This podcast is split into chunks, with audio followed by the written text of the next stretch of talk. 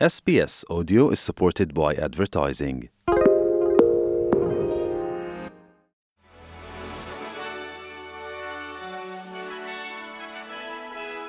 各位听众朋友们，大家好，我是 SBS 记者 Lauren。今天是十一月十六日，星期四。本期的 SBS 新闻快报主要内容包括：最新的数据显示，澳大利亚失业率有所上升；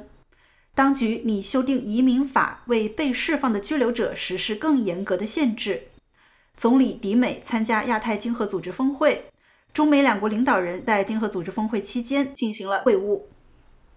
澳大利亚统计局宣布，截至十月的失业率较九月的百分之三点六略微上升到了百分之三点七。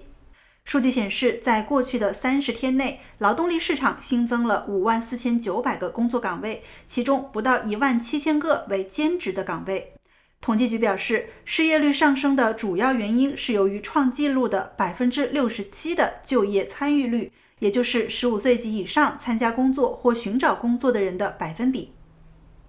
另一边，移民部长安德鲁·吉尔斯今天向议会递交了一项修订移民法的新提案，旨在对被释放的移民拘留者实施更严格的限制。此前不久，最高法院作出了一项具有里程碑意义的裁决，裁定无限期的移民拘留是非法的，导致八十三名被拘留者获得了释放。新提案引入的限制包括通过特殊的设备，例如脚环，对被释放的拘留者进行监控，并要求他们报告其状态的任何变化，例如地址或财务状况等。对签证条件的任何违规都可能会导致罚款或额外的监禁。吉尔斯部长表示，政府正在考虑进一步的措施，以确保社区的安全。While it is important that we enact this legislation as a priority, 尽管制定这项法案是当务之急，但我们正在考虑进一步的保障措施。保护社区仍然是基本的优先事项。这项法案中包含的措施对于提供立法支持这一结果至关重要。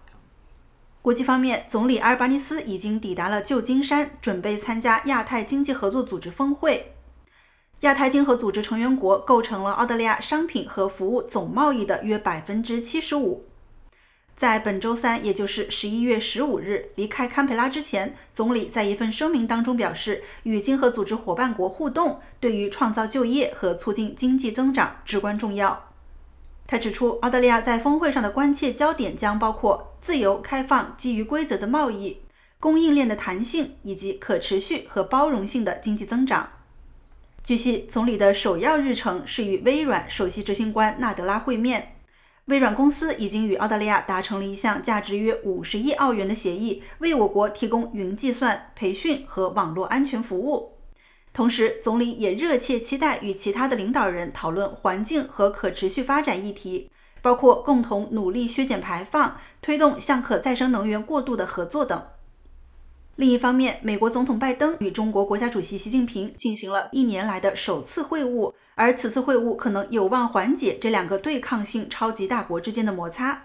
此前，中美两国的官员对这次会谈的预期保持较低，因为拜登和习近平将讨论一系列的问题，包括台湾问题、南海问题、以色列哈马斯战争、俄罗斯入侵乌克兰、朝鲜以及人权等等。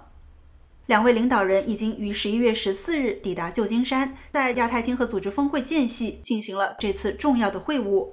此前，美国总统拜登明确表达了他希望实现的结果。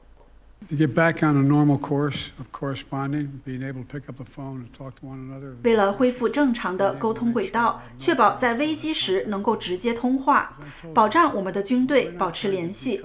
正如我所说，我们不试图与中国脱钩，我们的目标是改善双方关系。感谢收听本期的 SBS 新闻快报，在任何的播客平台订阅 SBS 新闻快报，开启消息提醒，即可随时了解澳洲国内外新闻及社区资讯啦。